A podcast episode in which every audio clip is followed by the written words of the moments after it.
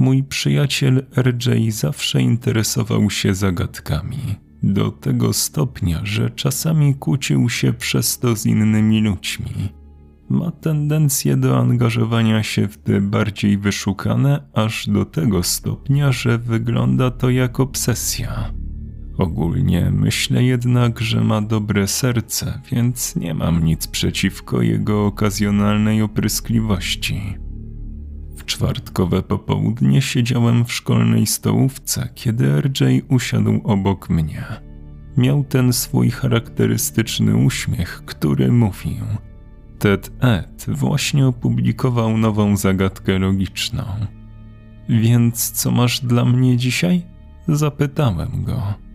Twoi rodzice są dość wyluzowani, prawda? Odpowiedział z ustami pełnymi pizzę. To znaczy, tak, chyba. Zależy, co masz na myśli. Myślisz, że pozwolą nam wyjść w sobotę rano około trzeciej? Chcę coś wypróbować.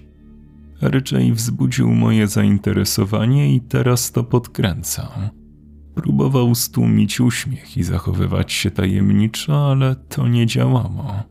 Najpierw musisz mi powiedzieć, co to jest. Powiedziałem, śmiejąc się trochę sam do siebie. Wiedziałem jednak, że nie będzie mówił. Za bardzo rozkoszował się swoim małym sekretem. Wzruszył tylko ramionami i odwrócił głowę w kierunku swojej pizzy. Więcej opowiem w ten weekend. Nadeszła piątkowa noc i około dziesiątej dostałem SMS-a od RJ'a. Nie zasypiaj, ciulu. Będę tam punktualnie o trzeciej. Wiedziałem, dlaczego to robi. RJ nie miał samochodu i dość często polegał na mnie, bo zabierałem go w różne miejsca. Gdzie on jednak chciał jechać o trzeciej w nocy? W okolicach trzeciej nad ranem piłem już drugą kawę i wciąż walczyłem, by nie zasnąć. RJ pojawił się w drzwiach wejściowych. Był bardzo podekscytowany. Gotowy na pójście do McDonalda? Wypalił, gdy tylko otworzyłem drzwi. Udałem, że trzaskam mu drzwiami przed nosem, co w najmniejszym stopniu nie zmieniło jego nastawienia. Myślę, że w końcu jesteś mi winien wyjaśnienie, powiedziałem kręcąc głową. Dlaczego idziemy do McDonalda? RJ wyjaśnił mi to, kiedy wsiedliśmy do samochodu. Dużo czasu spędza na forczanie, Wychodziło na to, że natknął się na wątek o dziwnych paragonach w McDonaldzie. Było kilka zdjęć osób, które otrzymały te paragony. Wszyscy mieli numer napisany czerwonym atramentem na dole kartki. Nawiasem mówiąc, przed opublikowaniem tego próbowałem znaleźć ten wątek, o którym mówił, ale bez powodzenia. Nigdy jednak nie używałem Forczana, więc ciężko mi było się tam poruszać. Raczej powiedział mi, że niektóre osoby zauważyły, że wszystkie paragony zostały przetworzone o 3.33 w sobotę. Ten mały szczegół sprawił, że pomyśleni, iż nie był to przypadek, ale może jest to jakieś wielkie sekretne wyzwanie McDonalda. Coś jak cykada 3301. Naprawdę myślałem, że to było całkiem fajne. Słyszałem kiedyś, że KFC zrobiło coś takiego ze swoim kontem na Twitterze. Wysłali facetowi, który odkrył zagadkę, zdjęcie, na którym pułkownik Sanders zabiera go na barana. Pomyślałem, że może RJ i ja moglibyśmy dostać podobne zdjęcie, tylko że z Ronaldem McDonaldem, gdybyśmy rozwiązali ich zagadkę. Wszystkie rachunki miały jeszcze jedną wspólną cechę. Wszyscy zamówili dokładnie pięć pozycji z menu. Czerwony numer na dole paragonu był zawsze cyfrą od 0 do 5. Te pozycje różniły się między paragonami, ale wszystkie były numerowanymi zamówieniami.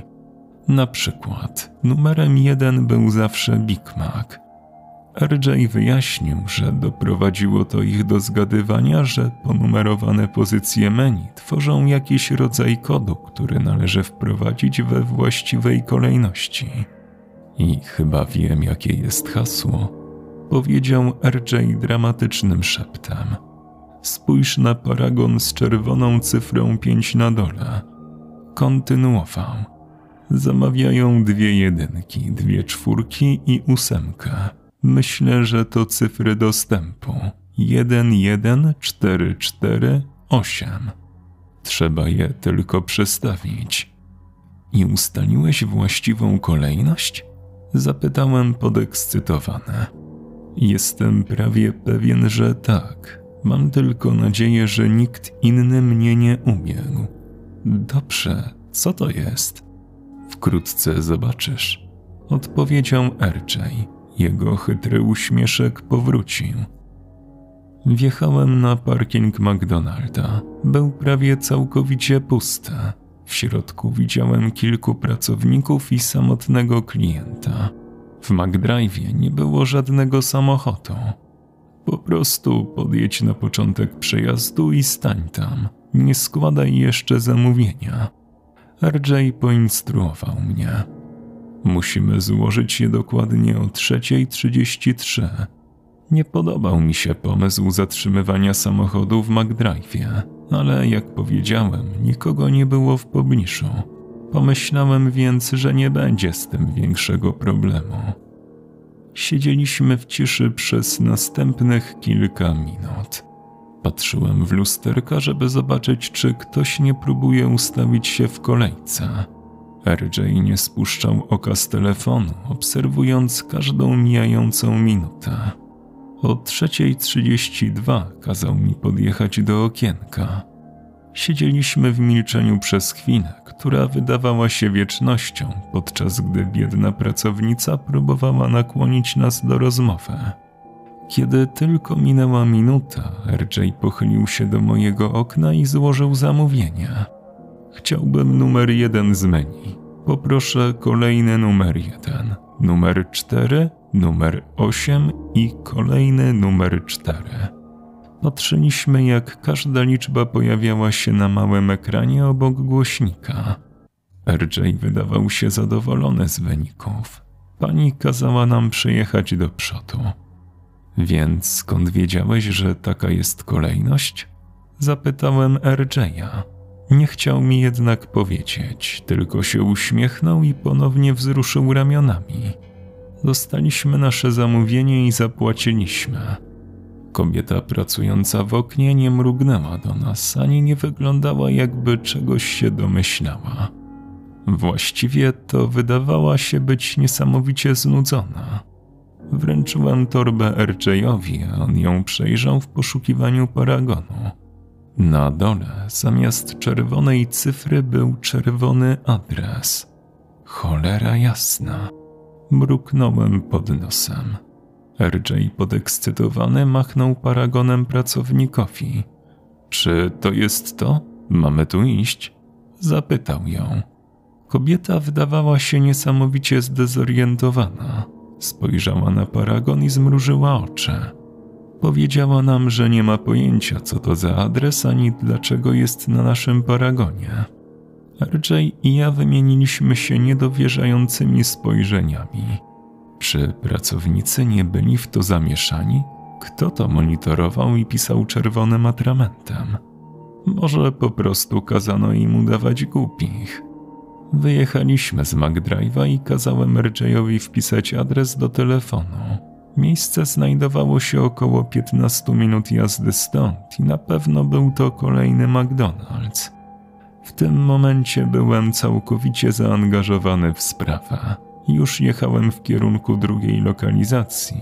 RJ nawet nie musiał mnie o to prosić. Kiedy znów ruszyliśmy w drogę, zapanowała kompletna cisza. Nigdzie na ulicy nie było samochodów, żadnych ludzi.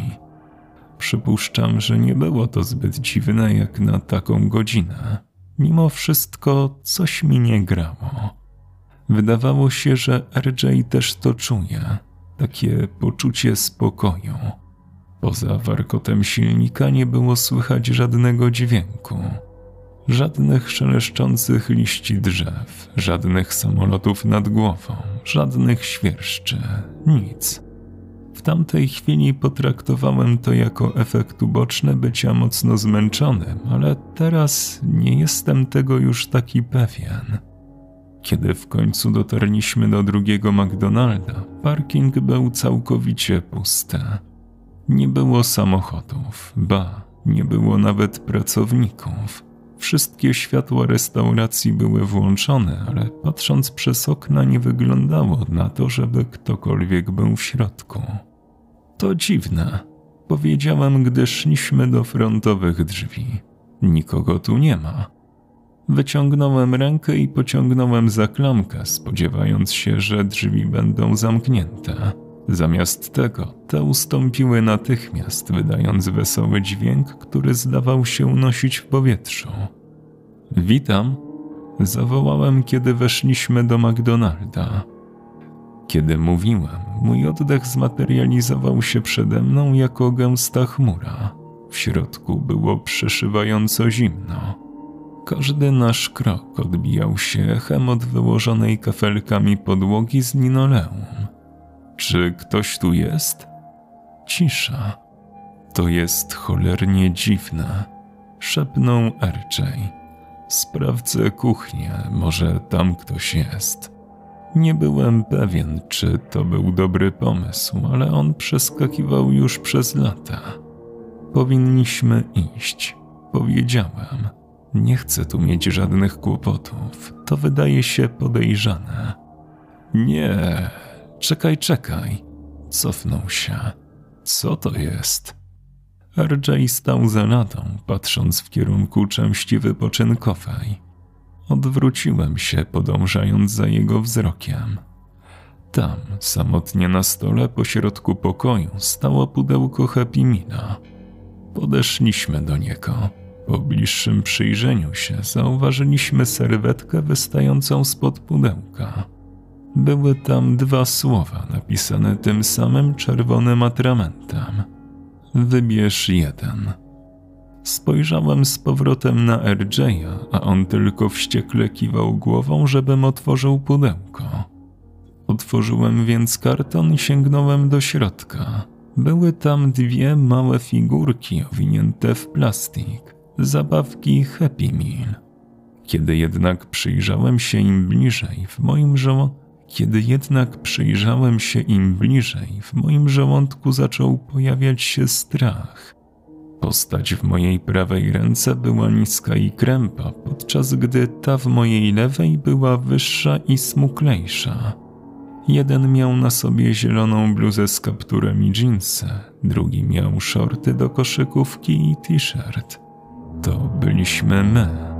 Figurki były niesamowicie szczegółowe. Zgadzały się nawet kolory oczu i marki butów. Były ubrane dokładnie tak jak my w tamtym momencie. Maleńkie repliki o przerażającej dokładności. RJ wyciągnął rękę i wziął swoją postać. Czym są? Kto mógł? Jak to jest w ogóle? RJ zaczął pytać, robiąc coraz szybsze oddechy. Dobra, musimy się stąd wydostać. Szepnąłem do niego. Nie wiedziałem, co się kuźwa dzieje, ale cała ta sytuacja mnie przeraziła. To już nie wydawało się dłużej być zabawną zagadką.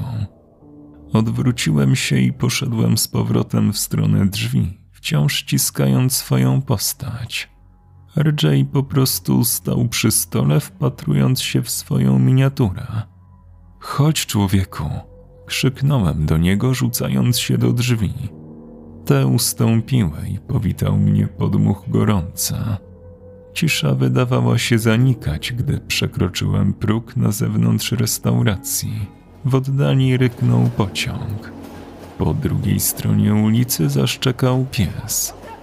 Słyszałem samochody jadące autostradą w oddali. Lekki wietrzyk rozwiewał liście na asfalcie parkingu. Odwróciłem się do RJ'a. W restauracji było zupełnie ciemno. W środku nie paliło się żadne światło. RJ'a nie było.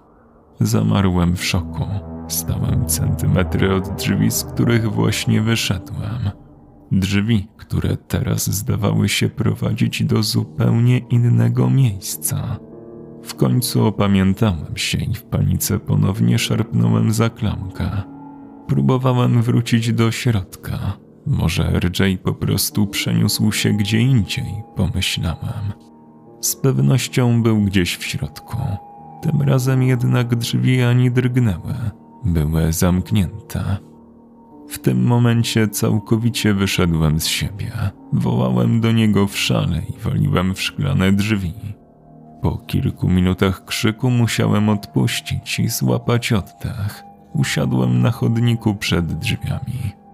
Starałem się powstrzymać drżenie i próbowałem uspokoić się na tyle, by przeanalizować, co dokładnie się właśnie wydarzyło i co powinienem zrobić dalej.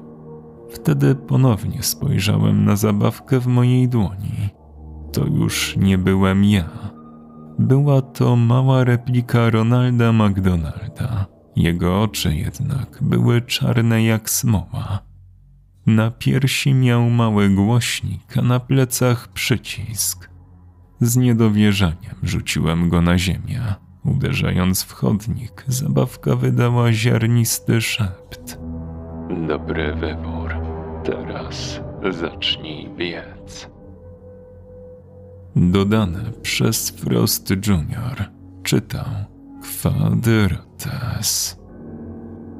Osoby wspierające powstawanie nowych treści to Kalusia, Syrenka Ladacznica, Brutal Drop, Sebastian Król, Gregorikos, Mateusz Z, Wiktor Walczak, Alastor, Wojti 262, Milky Rainbow, Near Death, Tomasz Kowalewski, Krzysztof Kozak-Ślęsak, Stary Trześwe, Creepy Bunny, Magiczna Basia oraz Tommy Lee Jones. Do usłyszenia.